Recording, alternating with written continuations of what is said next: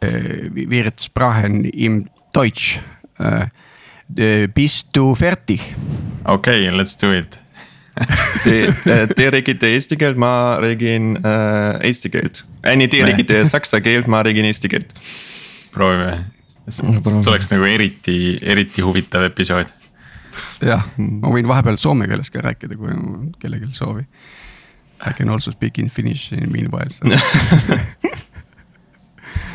um, I actually wonder when is the first Russian speaking episode coming up? Priit, you ready? Uh, yes. Uh, no, it's da. I have I have good answers to every everything. It's yes, yes, yes, yes, yes. yes. yes. ah, so you the yes man? Yes, I'm the yes man. It's ah, yes, yes, yes you're yes. the yes man. Yes, yeah, I, I, like these yes I, mans. I picked up a lot. Like currently, I have a feeling I say it all the time. I always say like davai davai. Um, davai davai. Yeah, yeah, that's the thing. Yeah, I hear this a lot uh, nowadays. Uh, something that Estonian children learn from the child care already from mm. kindergarten.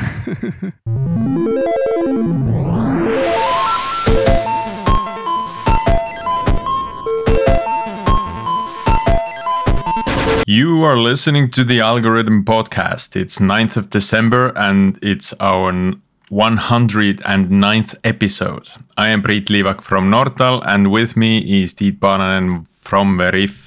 So, hi, Tiit. Hey, hey, how are you doing? Uh, as you might have figured out by now, this episode will be second episode that we will have recorded in English. We figured that let's uh, let's give it another try. Uh, the topic is still about the Estonian developers landscape, though. Our guest today is Benedikt Geiger, a man who started with business administration in Germany and has transitioned now to a developer role in Estonia. Welcome, Benedikt. Tere, tere. Thanks for having me. Let's uh, as as this is uh, mostly a story of uh, your career and and your transitioning to to a developer in Estonia. Uh, let's uh, let's start off from uh, way back. So, what did you? why did you study business administration, and what's that all about? And why didn't you like it? Uh, yeah, my way like to become a software developer is uh, like a little bit more complex. So, as you mentioned, like I'm from Germany. I grew up in a little town in Bavaria, northeast of Bavaria, and my original plan was actually to to play the trumpet. I'm like a musician, but um, my my I have a twin brother who also makes music, and he was always like better in me in music, and I didn't want to play the second fiddle there. And then I decided basically to go a little little bit more into uh, music management and decided I think it would be a good idea to start with business administration. Um, did some internships there and there and was um, but uh, was like working in Berlin for Sony Music Entertainment. But then I figured out it's even harder to work with musician as being a musician. And then I didn't really like it. Um, started business administration. Didn't really like the the attitude of the people, like the business people, and didn't fit in very well. Didn't want to do that. And let me dig a little bit into into detail. So, uh, just for the sake of facts being correct, you were a same cell twin? I'm like identical, identical twin. Yes. Identical twin, yeah. Yeah. And there are differences in terms of uh, your capabilities to grasp music.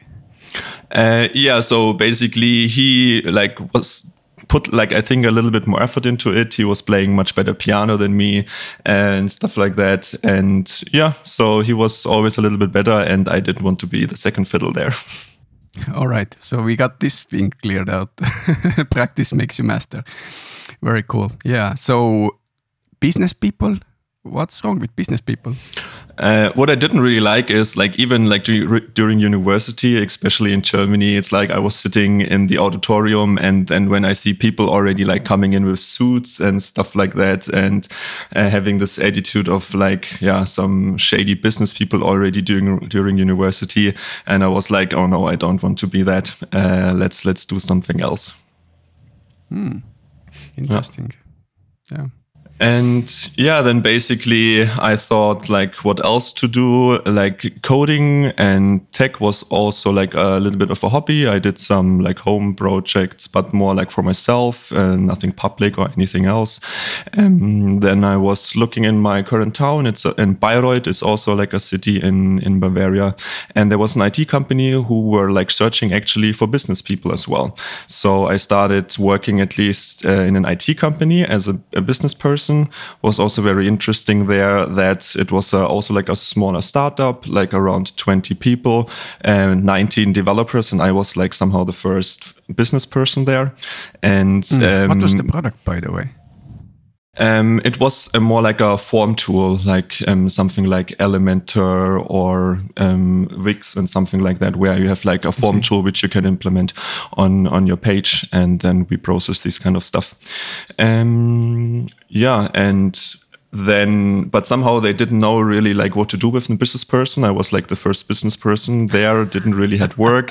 Uh, oh right so like, there was a bunch of developers and then you came in as a business person who didn't like business people. and everybody looked too funny. What are you doing?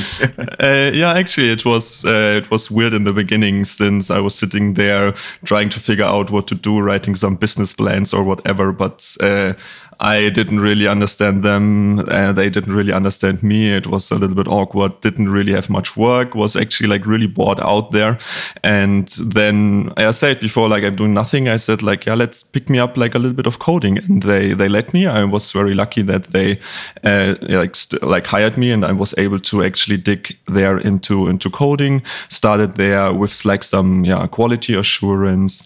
Was um, doing some um, end-to-end testing, CI/CD setting up, and stuff like that. Obviously, it took a lot longer in the beginning since it was still mm. new everything to me.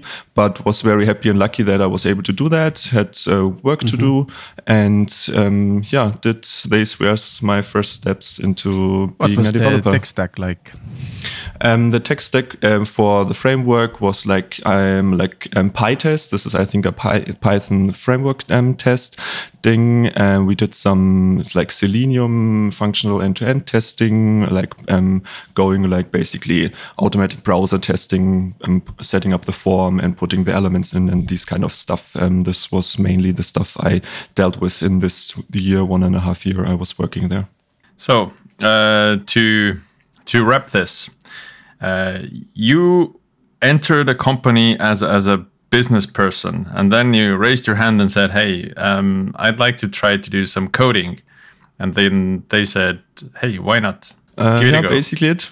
Basic, basically it. It's like before I sit there and do nothing as a business person, or actually something which with not much value. Like there were these 19 developers, this one CEO, which was uh, who was always on the road, and yeah, and then I said like, yeah, let's let's do it or let's ask at least. Like before i leave the company and try to do something else uh, there's always a chance maybe to um, to approach another domain.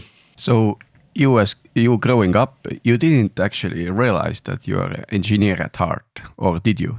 No actually no. It's like um, but you mentioned that you did some tinkering at home. Like I did some I was like always like a little bit interested in tech. I was always like a little bit uh, jealous in a sense because like I already started business administration and uh, like my always uh, my thinking was always uh, okay I can never become a developer. I never studied computer science and stuff like that. And this was for me like uh, somewhere like far away uh, which later then basically I realized that you don't necessarily have to study to become a developer and engineer. But like back then I didn't didn't know that. So I yeah like did some like writing like small scripts at home or trying to figure out, but uh, didn't really have like a good uh, approach because there's so much out there and I didn't know where to start. So it was more like a little try and error thingy at home in my little basement. But yeah, I mean the music prepares the brain pretty well for the math. So yeah, so. Um, you did you did probably well in those those business calculations and as well you know that's true it's like there's etc that's definitely true. It's like I was also more like a classical musician, and classical music, um, yeah, this is arguable as like in its structure, like uh, very very complex, and definitely has like also like studies where they compare like um, mathematicians and musicians. That's uh, there's actually a lot of a lot in common there. So at, at one point. Um, you thought when did you come to the conclusion that uh, you need to leave Germany and come to Estonia mm. and work as a developer here? Um, before that, like I worked in this company, and then I said like, okay, um, uh, I like I finished my uh, bachelor in business administration. I said to like uh, have like a little bit of better of my feelings still. I still decided to study um, something, so I put on a master in information systems, which went a little bit more into like um, tech direction, but not really computer science. It also was more like business with IT. It's like business IT, something like that. So more I did my ma- more, okay, more or less. yeah. and um, then I actually studied like two years my master uh, in Darmstadt. This is a city near Frankfurt. So um, was also having um, this step there, like master in information systems. And after that, I actually uh, was working for a e-commerce company in in Darmstadt, one of the e-commerce and online e-commerce shop, and also got some experience there. Um, there was like mainly like a PHP stack. We had like a, bi a big PHP monolith, and the task were to split it into uh, sustainable little microservice and this kind of stuff. Um, but there was actually most of the time where I felt also like a little bit unsafe since like this was my real proper job where I actually like applied with an interview as a developer still didn't like had the feeling okay I never did this really computer science and then I'm all of a sudden there around like 200 developers around me which I thought like know everything and I don't know anything at all. And um, there I but got my first passed the interview though. Uh, yeah that's actually a funny story and um, coming maybe um, later back also to the topic of uh, the imposter syndrome that um, I remember the interview very well. Like I went there and they somehow missed the appointment. Like I arrived there and the person who should have interviewed me wasn't there. And first of all, I waited there and then the CEO came in and it was more like an improvised interview and he didn't really ask any technical interview question. It was more like a, a talk to each uh, other to maybe check the, the company fit, the cultural fit and stuff like that. So actually I didn't answer any technical question there. And like, uh, like at the same day, they said like, yeah, if you want to work for us, uh, you can can can work for us. And I was like, oh, uh, I was lucky. And this is also the same. Oh, maybe they were lucky. I mean, uh, oh, otherwise they, they, they might have not recruited you, but. Yeah. Um, but yeah that's also then my thinking was again which i when i think about it now like i somehow derived this now basically oh i got lucky i i landed this job which is also like part of the imposter syndrome that you derive your achievements by by luck or anything else. I didn't realize okay maybe it was a good cultural fit or um, actually like i was i was able to to land this job because of my achievements because of my skills and stuff like that. But back in the day back uh, in the day I somehow derived this more uh, like being lucky. Mm. It's interesting. Maybe we'll stop for that topic for a moment. So there was an e-commerce in Germany in, in Darmstadt, yeah, mm-hmm. uh, e-commerce company. Uh, they they missed the interview from their side, and they hired you in one day by CEO interviewing a developer, and there you ended up boom in with 200 developers. So quite um, quite different to the average or normal interview process, you know, where you go through several rounds, you know, do, do, do the desk tasks or do system design, whiteboarding, whatnot. And so even if, you, you if there's a, if, if there's a 200, the and if there's a 200 uh, developer company, uh, yeah. it's, it's fairly difficult to get uh, at the table with CEO. It's, yeah, yeah, yeah it doesn't happen uh, usually yeah like i yeah i don't know like um, probably they were like oh damn it there's somebody we need to do the interview now. Um, and like originally the company is from cologne and they wanted to start a new office in darmstadt. And even like in germany it's also very difficult to to hire developers as i think mm. in most of the of the companies. And maybe they were just happy that uh, people applying and they wanted to build up like a new office in darmstadt uh, with new people and were happy to get like like um, like developers at all. And yeah, yeah, exactly. So so, so they realized, oh, we have a normal person here. Let's hire him. he wants to join. yeah, uh, yeah but, but uh, cool. uh, I, I have a question. When was it time wise? Was it like how many years back was it? Mm-hmm. Like um, 2000. Um, 16, 2016, 17, where I started and basically the job um, in, in Real Digital. This was the name of the company, the online e-commerce shop. And then I worked there for like uh, one, two years, something like that. Before then, like the all the Corona stuff happened, and then where I somehow uh, made the decision to move to Estonia. All right. So, did you know about Estonia?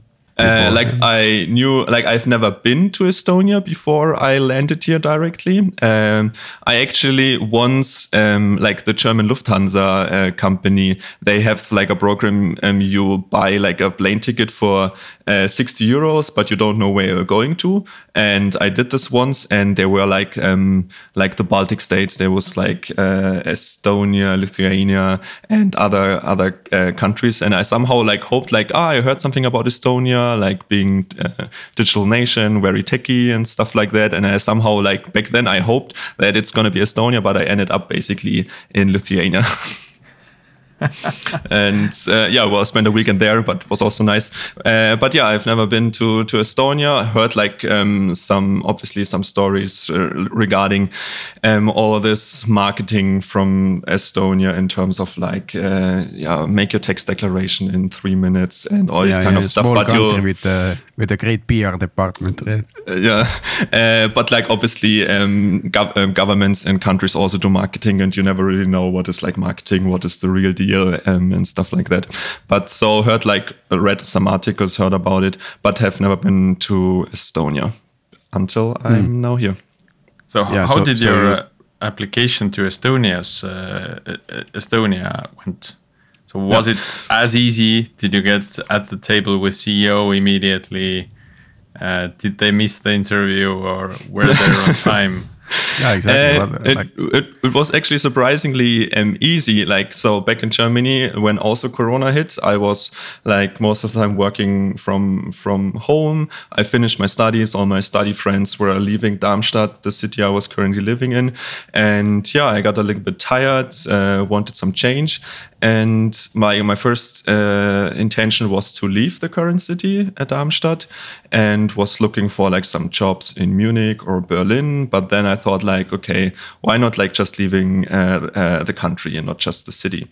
And then I was googling around and I somehow ended up in uh, www.workinestonia.com and was like just browsing through jobs, uh, searched for some like proper tech stack which fits me, and then I was applying. Um, I think I wrote like four or five application applications, and yeah, and from basically the decision to write the application until I was actually landing in Estonia was I think only three months or something like that. It was super mm. quick.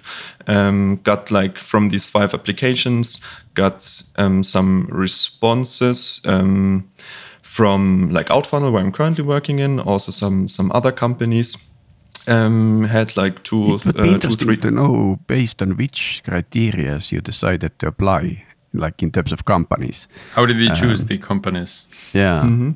like uh, mostly I was like browsing um, regarding the tech stack since I um, so the my back then in the online e-commerce shop tech stack was mostly like PHP, but also like a little bit of Node.js, front uh, front end Vue.js, and so I was actually like searching for some PHP stack um, companies.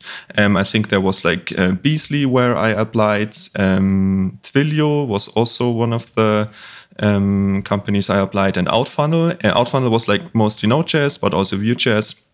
Um, in in the front end, so it was mo- uh, mainly about um, the tech tech stack where I've chosen mm. um, the companies. For me, it's actually it's like I for me it's not so much important I must say in which like tech do, like in which domain I'm working. May it be e-commerce it can be something completely different. Since I think um, I try to distinguish a little bit like code is code for me in the end. If you uh, architecture is architecture you design some stuff um, I'm more happy about like having a good environment doing these kind of stuff. Um, if the domain then is also like super interesting for me this would be a good fit. But uh, at least for me it's not like like the the main argument um, to so to which domains are interesting to you? um, good question. Um, uh, I uh, let me think about it a little bit. Um, I like I I liked like the the the e-commerce stuff. Um, um, I was um, dealing there with like the distribution of packages where people when they order something then you have to like to follow and track these kind of packages. But yeah honestly i'm like not very like um, indifferent about about the domain. Um, not so not so much of uh, a big argument for me.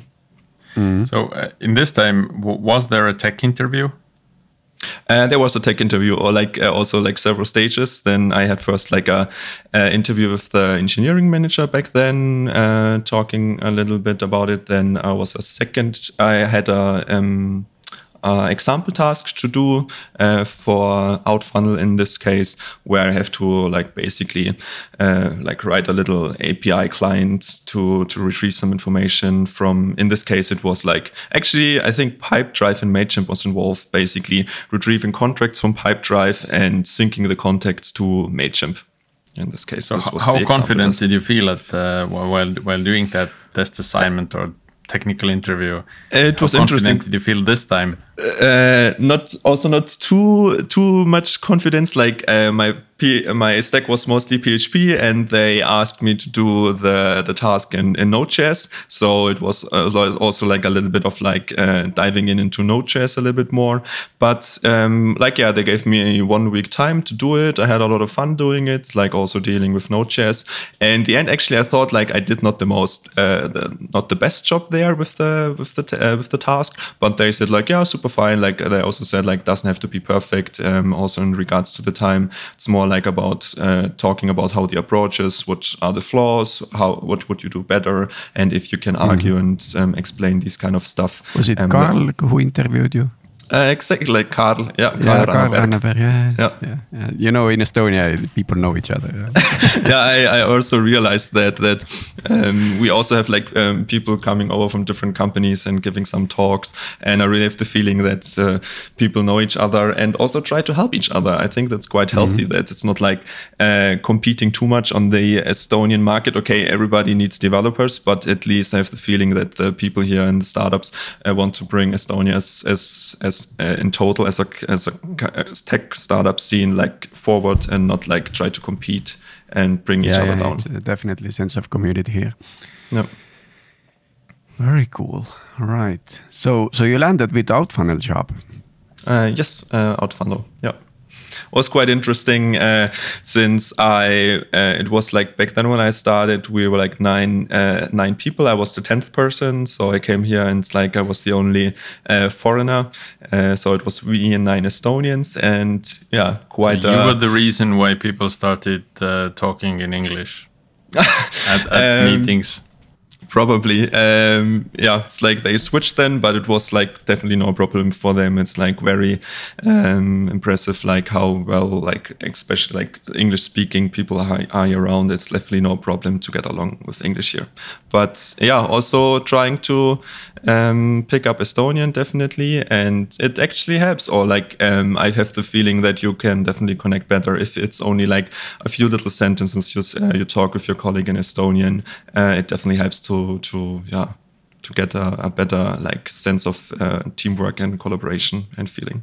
Yeah, I, I was I want to ask about the uh, the difference in the companies that you then had experience in. I know it's not a fair comparison as one is 200 uh, developer organization, but and another one is 10 developer organization. Uh, mm -hmm. But uh, but still, what what kind of differences in in the culture you can bring out uh, I'm especially looking for something that maybe something that illustrates a, a German uh, software development company and then Estonian software development company.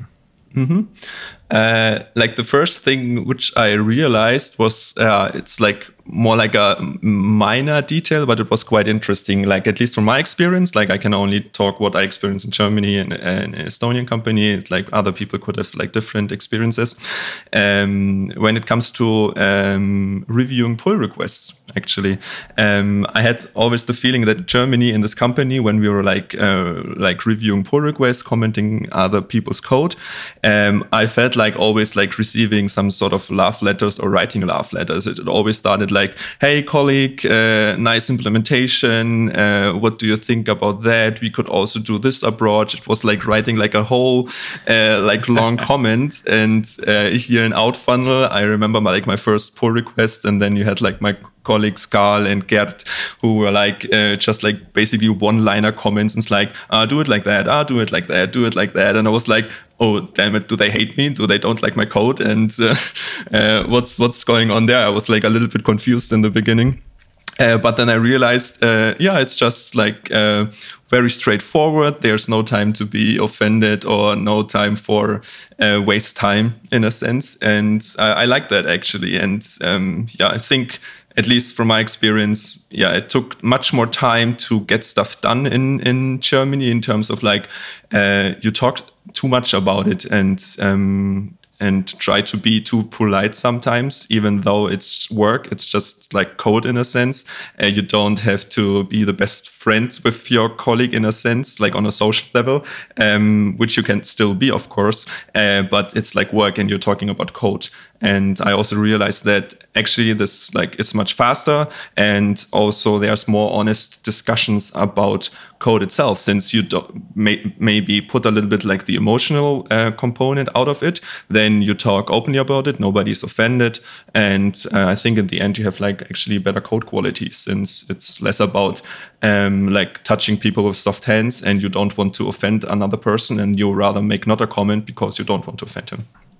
But don't you sometimes miss the pull requests or, or the comments that start start with a sentence, "Dear Benedikt"? uh, actually, no, I don't. I don't. Uh, since like then you're like really you have like a huge comment I had, and then like the information you actually want to extract from it, it's like only maybe like uh, ten uh, percent of it, and the rest is just like trying to smoothen it. Mm. So it's interesting actually because you, you bring out the interesting point about uh, about uh, the software quality and the way it's developed. Uh, um, we, we, we, there is of course uh, a myth or, or perception of like big enterprise systems, poor quality information systems in sort of old Europe, let's say, and then then there is um, a sort of small, dynamic, nimble fast sort of startup scene that is developing. So I wonder whether the, the approach in development that you just described has any way uh, or anything to do with this kind of um, perceptions. Hmm. Uh, because I mean, if I take Germany, for example, productivity is, I don't know, three times higher than in Estonia, like on, on average. Uh, like GDP, etc. I mean, it's just somewhere else completely. Um, uh, so maybe we have productivity gains or productivity higher in certain sectors in Estonia. Maybe the software development is one of those areas.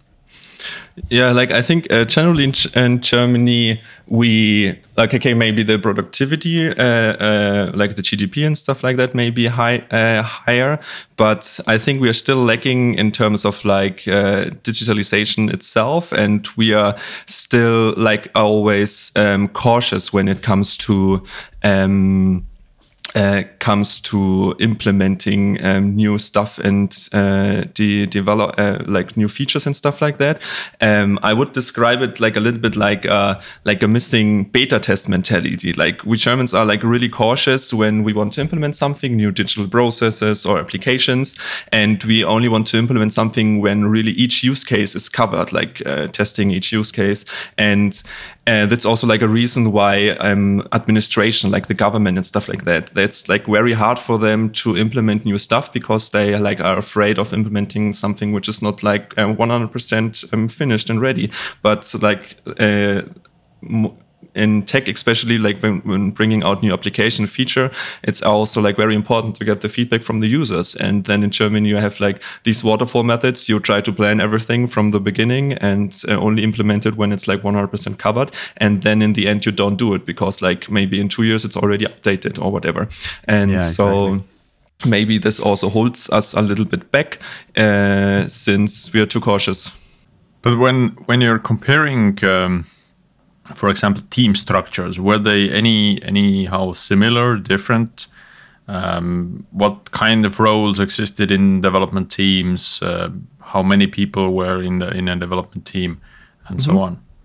Um, I think this is quite similar. Like at least in the companies I worked with, we also like try to uh, like um, implement um, agile methods and the um, agile ideology in terms of like um, smaller teams. We had like development teams of um, maximum like eight people. Like it was more like five to six people. I had a product manager, and um, this was basically like a similar setup um, I see here as well.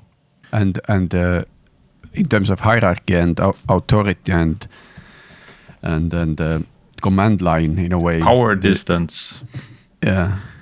It in the companies I worked with, like in the last company, uh, in the beginning, it was actually very nice. Like um, the whole company, even like the 200 developers, it was basically only two two layers. We had like all the developers, and then we had like the management, and the ways um, to communicate and discuss were very short. But there was like then some a orga change where people started, okay, now we have like a, a area product manager, we have like a team product manager, and then like it started like to to build up like a big hierarchy there. And then it become like a little bit more hassle because like information flow took much longer to read something. And um, they always like emphasized um, of being like independent development teams of like maximum eight people uh, which can make their own decisions. But in the end it happened that like somebody else in the in the hierarchy upstairs threw the hammer and said like no we're doing it like that. And then we weren't really independent at all in the end. So yeah um, similar structure there with um, high, hierarchy, high uh, higher hierarchy, and yeah, more like people from from top decide what to do. Were, were those decisions coming from top down logical, or did they did they make sense? There was there a reasoning behind? Uh, yeah, um, sometimes yes, sometimes no. I would say um, it's mm. like uh, obviously you have like then a product manager, you have an area product manager, then you have like the uh, manager on top, uh, and then the CEO, and then everybody wants to get his stuff done. He wants to uh, like achieve his OKRs in the end, and um, then they try to do whatever it needs sometimes to to to make this happen, even though it seems sometimes unlogical. Yeah. Mm -hmm. mm. So th there's a kind of uh, understanding that uh, you may describe what to do, but the development teams should figure out how to do these things. Did they even come up with technical details or try to decide technical details as well to to prescribe how to do things? Yeah. It really depends, like um, what kind of, at least in the company I was, uh, what kind of like product manager you have. Like the product manager, like uh, what his goal was basically to protect the developers from any uh, uh, customer um, inquiries and stuff like that. So if you were lucky, you had like a product manager who actually uh, understood something about technical details, and then he could also communicate these details to you and um, the the external sources. Um, but it also can happen that uh, this was not the case. And then it was super difficult because then the product manager was promising something to um, other managers or other customers. And then you all of a sudden said he, and then he comes to us and says like, yeah, uh, we have to do this. Uh, we have like a sprint time. And we said like, no, this unfortunately takes three months or whatever. And then uh, you mm. are sitting there and uh, have like miscommunication with product managers. Interesting this is this is actually pretty interesting because product manager trying to protect developers from customers while we should actually make sure that the, that, that there is no protection that the developers really understand why they're doing it and it's kind of an anti-pattern yeah, total um, anti-pattern. Maybe not customers. It was more like protecting like internally. If you have like a big company oh. and all of a sudden like other teams are, um, are reaching out to you, that basically if another team wants something from another team, always uh, funnel it through yeah, the product yeah, manager. creating silos and managing the dependencies. But uh, in in that case, the other team acts as a customer for for this yeah. team, so it, it also can true. be seen as a this kind of relationship as well. No. Yeah. So in my in my experience, um, having developers or, or finding developers with some past experience in a totally different domain uh, has uh, ha has been really successful uh, mm. in terms of their career and proficiency and capabilities and, and so on. Um, how has your business background helped you as a developer uh, to, to be more effective or understand the customer more and so on? So what, what how has it helped you? Uh, very good question. Like it definitely helped me that um, I often also had like developer colleagues who were like um, like very very techy, and their goal was always to implement like the the most perfect uh, technical solution. But from a business uh, coming from a business background, and you understand basically there's also like we somehow like it's like a love hate relationship. Like the tech people needs the business people, and the business people need the tech people to make uh, things work in a company. And if you understand like how like we always like ask the business people like yeah try to understand us uh, understand us better but like it could, should also go the other way around that we also need to understand the business people as well where they're coming from why they are doing that and why is it important. And then it's like uh, sometimes even worth to uh, like push out like a 70 80% solution not the most perfect uh, solution um, since uh, it doesn't matter if like the funding is not there anymore like next year. It doesn't matter if you have like uh, a perfect developed solution but it takes like uh, double the time. And this definitely helped me since I also played once like the role as a business person to and communicated with, with customers or external partners and stuff like that. Um, feel like a little bit how it is. And now being a developer, then um, if a product manager comes to me, then I yeah I know where he comes from and why he's doing that, and this definitely helps understanding um, why he may annoy me now, but uh, then maybe it feels like a little bit annoying if he comes sometimes with like specific uh, requests. But then I also try to remember how it is actually to be like a business person. It can also be hard. It's mm. like not only we have hard job, also business people have a hard job as well. Yeah. Can you bring some concrete or specific example where you uh, sort of realized that your reaction, your approach was completely different to the to your colleagues uh, potentially?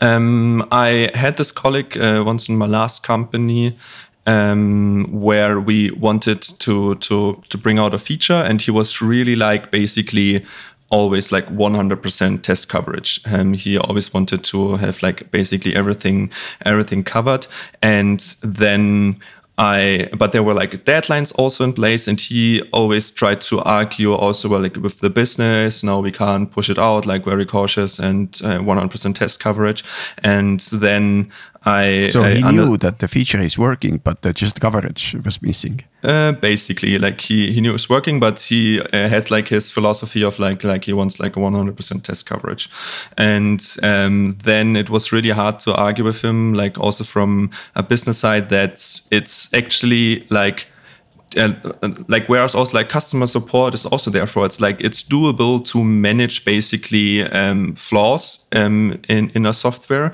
Like it's totally normal that um, people like are reaching out to customer service because something is not working and stuff like that. So he maybe didn't understand that it's okay to handle also like flaws in in in a software uh, because mm. there's also teams um, who can deal with these customers.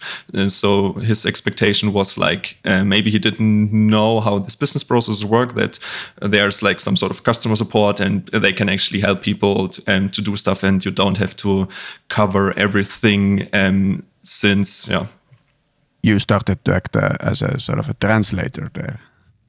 Uh, yeah, somehow uh, try to to act as a translator that um, uh, try to explain that it's not like uh, necessary and maybe not like always common, and that's okay to like not have like a 100% test coverage and so on and so on.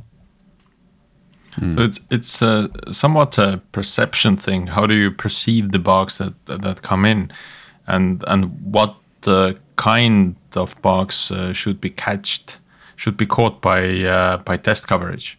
So if you if you uh, if you catch uh, like 80% of the the bugs and then including more critical uh, stuff, uh, then these minor incidents may be handled by by support services.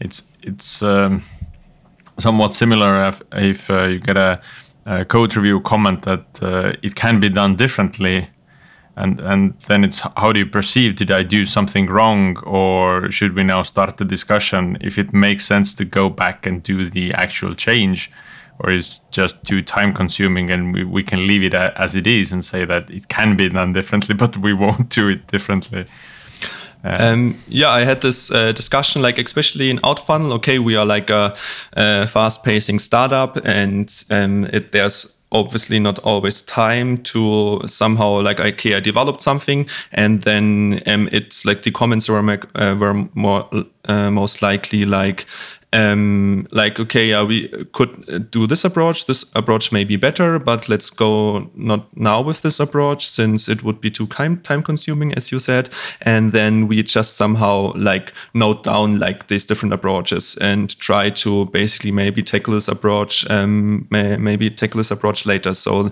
you, we needed to balance out in terms of like pushing out features um, and even like if a developer took this approach wrong we maybe also like push it push it out um, and try to try to tackle this later. When it comes to, to, to test coverage, it's like I think it's for me it's important that you have like some some core features which are like really important in terms of Outfunnel. We are do like syncing contacts um, between sales and marketing tools and or syncing engagements. And this is like a core feature which we definitely want to keep. And if um, this would basically fail, um, then would be basically our code domain would fail and the, um, the product itself is not usable. So um, I would basically like try to not accept basically any bugs which uh, can uh, like the core domain and the core features, the core features to fail. Everything else, which is basically okay, if I'm missing out specific fields which from Pipedrive, which I want to um, sync to Mailchimp, and then I'm missing some fields, and one field is not syncing, and the customer doesn't see like uh, the I don't know a specific uh, last name field or whatever, like or any other field, uh, but the sync itself is still working, then I think I would be fine with it that this uh, something like this is out and can be tackled later. So um, I think you need to define your core domain mm. itself and try to keep this up.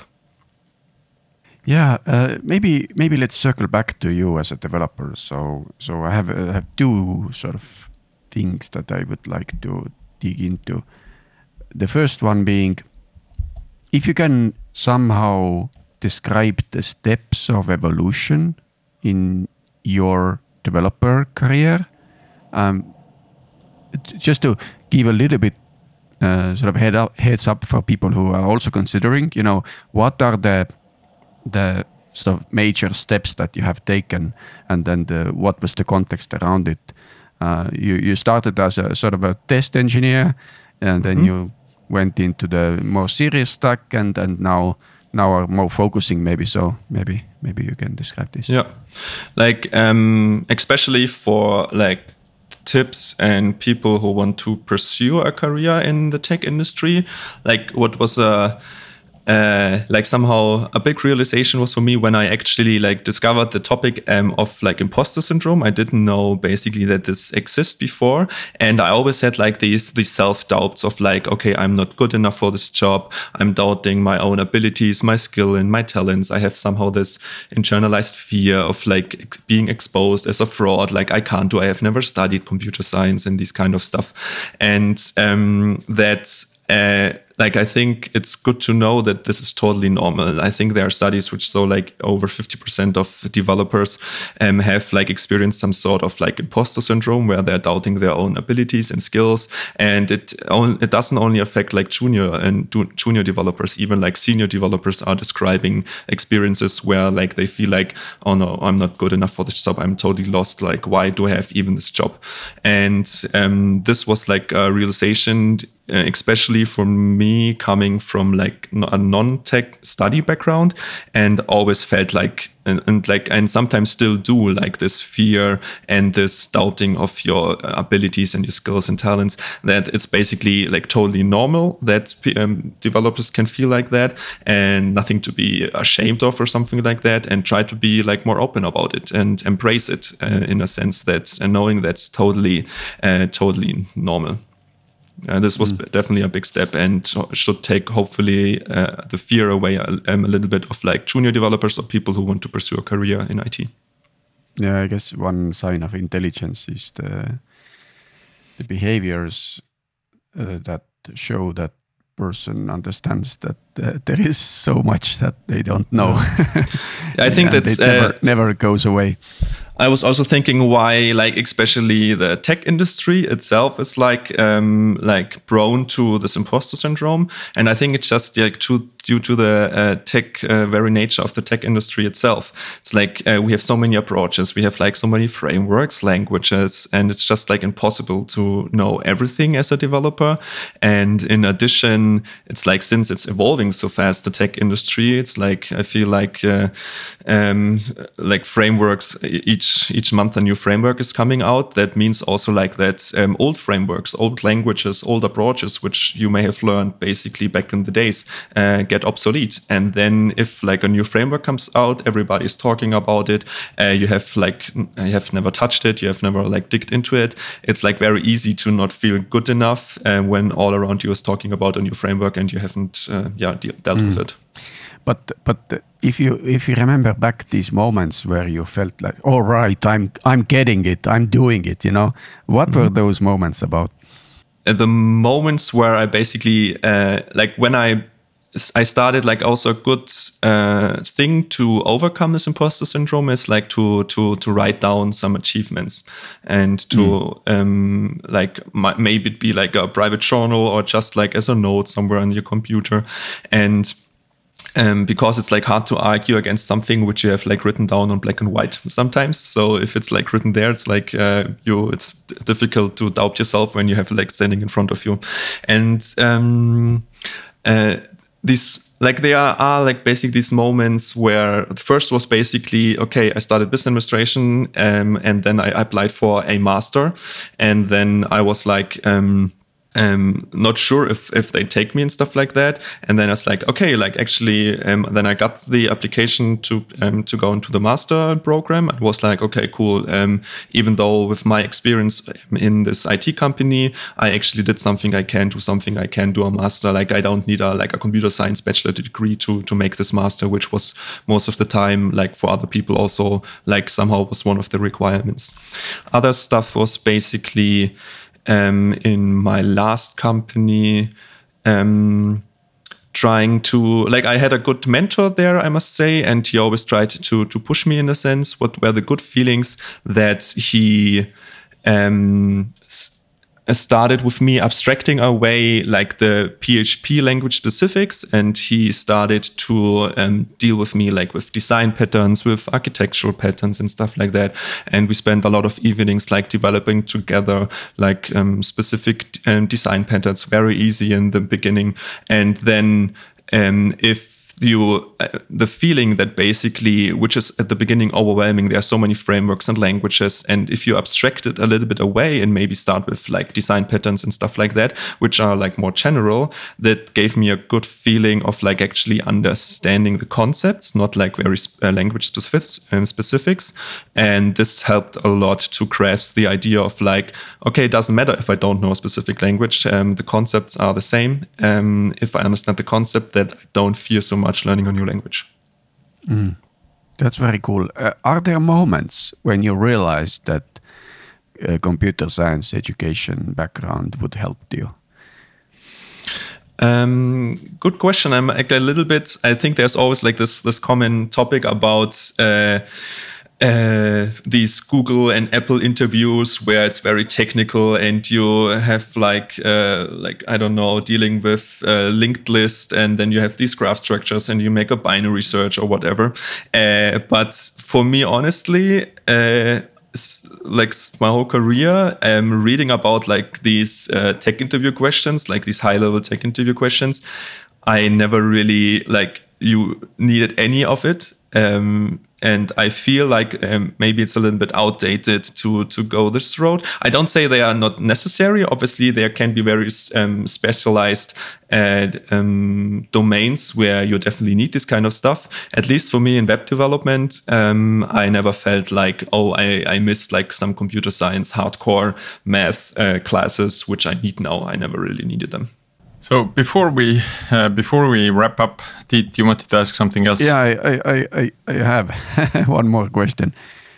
today, what is the hardest thing uh, that you like meet all the time? You know that okay, I'm doing it. Damn, this is this is hard.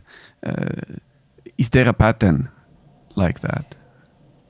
Um, like especially like uh, during my daily development life, you mean? Yeah, yeah, exactly. Mm like currently what i'm like i'm struggling with is a little bit since we like uh, are like um, a startup and want to push out features um, i really like learned to develop fast and push out stuff but somehow i, I miss a little bit like taking the time to discuss an approach, to discuss a little bit more architecture, architecture in deep, and maybe yeah, just take the time to um, think before just starting. Like um, um, I think it's totally okay to have like phases in life as a development uh, developer to to push out stuff, and you should also be okay to push out like bad written code of your own sometimes because uh, deadlines and you and you uh, you want to push it out. Uh, but like what I'm currently like uh, dealing with and struggling with, uh, struggling with is basically finding the time of like taking a step back, thinking about the solution, and go more a little bit into um, understanding the concept and maybe going to the drawing board, draw something out and stuff like that. This is so my current struggle. Would you say it's it's more about the actual lack of time or, or struggle of finding time or the discipline of finding time?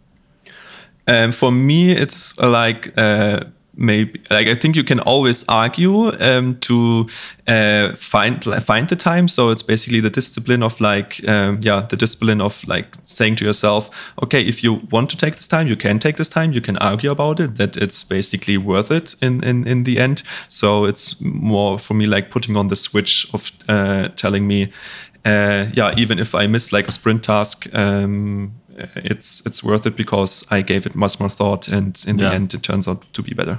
Yeah, for me, it's often about justifying the um, uh, the use of this time to myself, not to anybody else. That's uh, that's not mm. relevant. But I, I, find it sometimes difficult to justify this time, uh, but it's it's definitely necessary.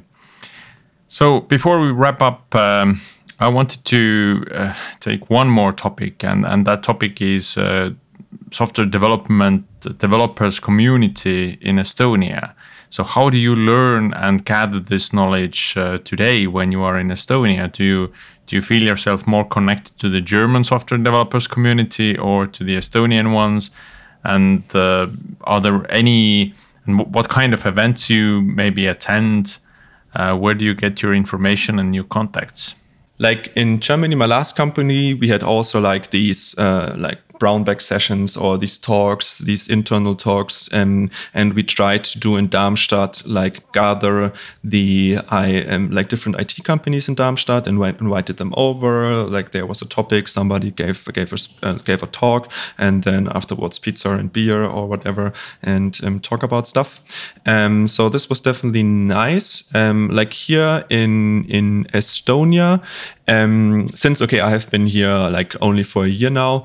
Um, I really like like in Outfunnel we have like also these Outfunnel talks where we invite people over, like um, people from Bolt, uh, from Pipedrive, and different investors, for example, and um, having like this sense of like um, people, even though they may be competitors or like um, whatever, that they come over and try to help each other. So I like this feeling um, in the um, Estonian community. I haven't really like super figured out like um, specific events to attend. Also, maybe also like a little bit difficult due to the Corona situation itself, but to gather my information, it's mainly about like, um, yeah, talking openly and honestly with my colleagues about the struggles and not to be afraid of um, like asking questions. Mm. How well you're connected to the expat community in, in Estonia? Uh, not too much, actually. It's like I was uh, very uh, lucky that uh, like um, that I got good connections to to Estonians, also mainly to my uh, Estonian girlfriend. That I got in touch with a lot of like Estonian people. Um, that I am more like personally I like it more when I diving into new culture, rather talking to to Estonians, learning the language and getting to know the culture.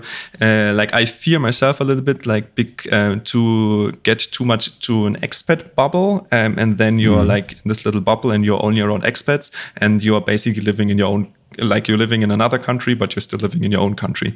And I don't want this to happen for myself, uh, since uh, I think people should appreciate when another uh, like country lets you in, work there, have a good life there, mm. which is like was like back in the back in the years, like my wasn't like totally possible for my parents or whatever. And um, I really appreciate that. You you you already mentioned uh, the difference in pull request uh, text. Uh, so, uh, what other things have surprised you about Estonia and Estonians? Uh, other things which surprised me, uh, actually, like one tech, like let's say tech product, which surprised me in a sense. It's more like a funny story um, that in Germany, when you are like in different uh, shops and markets, you also get often like a customer card, a discount card, and stuff like that. And we used to basically have like all these uh, single cards, and you have like a wallet with all these single cards. And I was once uh, with my girlfriend in a in, in in a shop, and they asked me if I want a card, and I and always in Germany I say no because I'm I don't want to basically take all these cards with me. And then uh, I realized that you can put like these discount cards, these customer cards on your Estonian ID card. And i was so like even even though maybe it's like the most normal thing for you but i was so amazed and surprised by the fact that you can like put discount and customer cards on your id card and just have one card uh, to carry around. Uh, yeah that was very surprising and amazing actually. Very cool. So uh, i think it's uh, time to wrap up this episode. Uh, thank you very much Benedikt for attending. Um, thank you for our listeners. And as usual, we're looking for feedback about uh, this episode, about other episodes, and ideas for future episodes to come. And uh, we probably will do uh, English episodes in future, uh, not because of English, but because of the guest. So, yes. So get used to it. Sorry. Thanks for having me. Uh, Aite Kutse. Aite Kutse ist, I can say, I think. Danke, Benedikt. Bitteschön.